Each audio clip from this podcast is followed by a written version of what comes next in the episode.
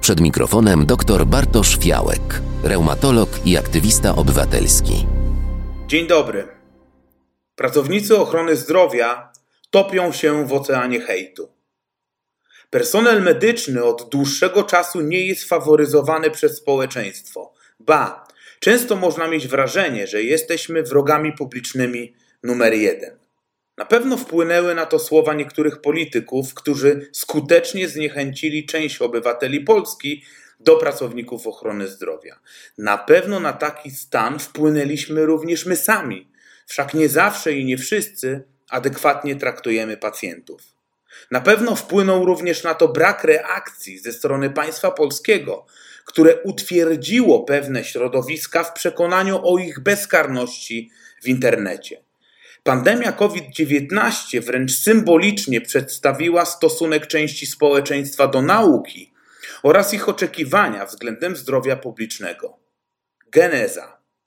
Hejt, czyli mowa nienawiści, który obserwujemy obecnie powszechnie w mediach społecznościowych, był już obecny przed ich powstaniem.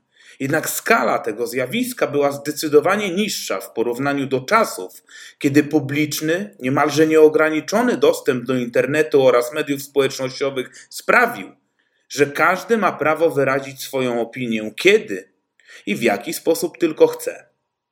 Aktywność swą zacząłem na początku 2018 roku, a stronę w jednym z mediów społecznościowych utworzyłem w pierwszym kwartale 2019 roku.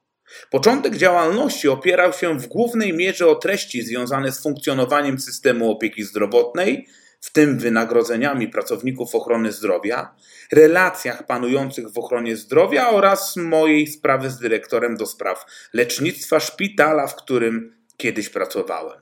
Profil zbierał coraz większą liczbę odbiorców. Następnie poszerzyłem zakres publikowanych treści o wpisy związane z medycyną sensu stricto. Wraz z ewolucją mojej strony zmieniało się również natężenie hejtu. Początek to pojedyncze komentarze, które pokrętnie miały dotknąć mojej osoby, jednak wielkiej krzywdy nie doznawałem. Z czasem dołączania większej liczby czytelników oraz poruszania szerszego zakresu tematycznego, liczba negatywnych reakcji się zwiększała, lecz w dalszym ciągu nie była to mowa nienawiści, a raczej sugestie mające na celu odstręczenie mnie od pisania o patologiach polskiego systemu opieki zdrowotnej. W końcu nadeszła pandemia COVID-19 i hejt skierowany na pracowników ochrony zdrowia podczas pandemii przekroczył wszelkie granice. Nie mam wątpliwości, że to właśnie pandemia COVID-19 była motorem napędowym internetowego hejtu wobec personelu medycznego.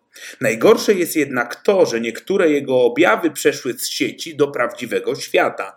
Zapewne słyszeliście o wybiciu okna w domu jednego z pracowników ochrony zdrowia, oblaniu farbą domowych drzwi wejściowych ratowniczki medycznej czy zniszczeniu karoserii samochodu dyżurującej pielęgniarki. Początek epidemii COVID-19 w Polsce to strach, ale przy okazji festiwal braw dla poświęcających swoje rodziny, zdrowia oraz niekiedy życie pracowników ochrony zdrowia.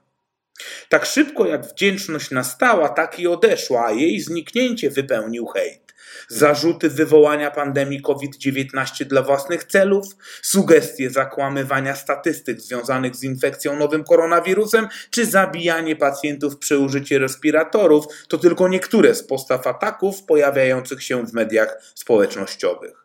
Wraz ze wzrostem liczby publikowanych treści edukujących społeczeństwo dotyczących tego, w jaki sposób uchronić się przed zakażeniem SARS-CoV-2, rosła i to wykładniczo mowa nienawiści. Już nie byłem tym miłym doktorem przedstawiającym fakty w mediach społecznościowych. Stałem się osobą spiskującą z Billem Gatesem oraz firmami farmaceutycznymi. Po opracowaniu i wprowadzeniu na rynek szczepionek przeciw COVID-19 morze hejtu zmieniło się w ocean.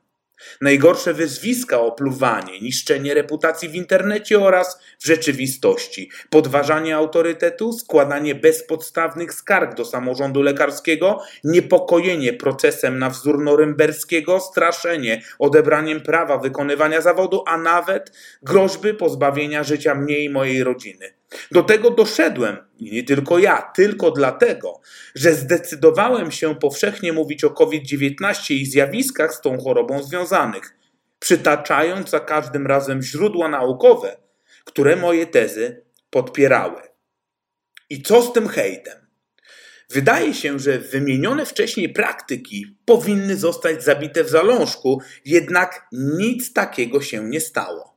Państwo polskie zawiodło, z jednej strony nie reagując na powszechny hejt skierowany na pracowników ochrony zdrowia, a z drugiej umarzając pojedyncze przypadki, które zostały organom ścigania zgłoszone.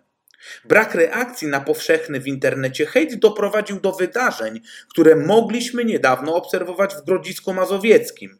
Zaatakowanie punktu szczepień przeciw COVID-19 przez przeciwników szczepień.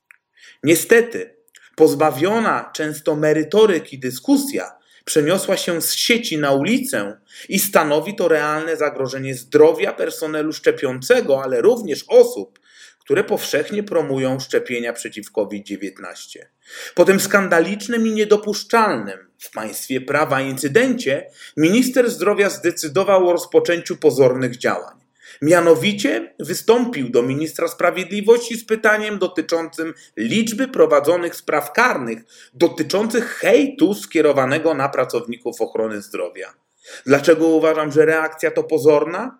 Już niemal każdy w Polsce widzi i wie, że hejt na promujące szczepienia oraz wypowiadające się o COVID-19 osoby jest powszechny.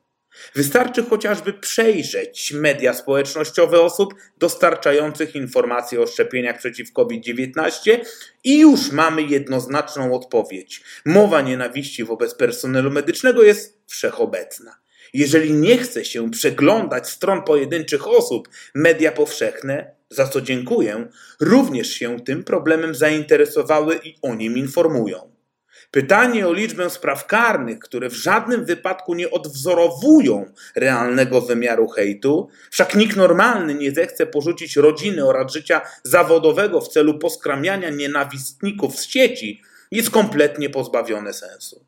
Naprzeciw wychodzi jednak oddolna, na jakżeby inaczej, inicjatywa personelu medycznego pod hasłem hashtag wylecz nienawiść. Ruszyliśmy niedawno, jednak znając siłę mediów społecznościowych, będziemy chcieli z jednej strony przedstawić, zaznaczyć oraz nagłośnić problem mowy nienawiści wobec pracowników ochrony zdrowia, a z drugiej edukować w celu ograniczenia występowania tego zjawiska. Grafiki, spoty, wywiady. Liczę, że tymi kanałami przy pomocy mediów powszechnych będziemy w stanie zwrócić uwagę na problem, który jest równie wyniszczający psychicznie, co pandemia COVID-19. Bartosz Fiałek. Dziękuję za wysłuchanie mojego felietonu i zapraszam na kolejny za tydzień o tej samej porze. Wspieraj niezależne Halo Radio, które mówi wszystko www.halo.radio ukośnik SOS.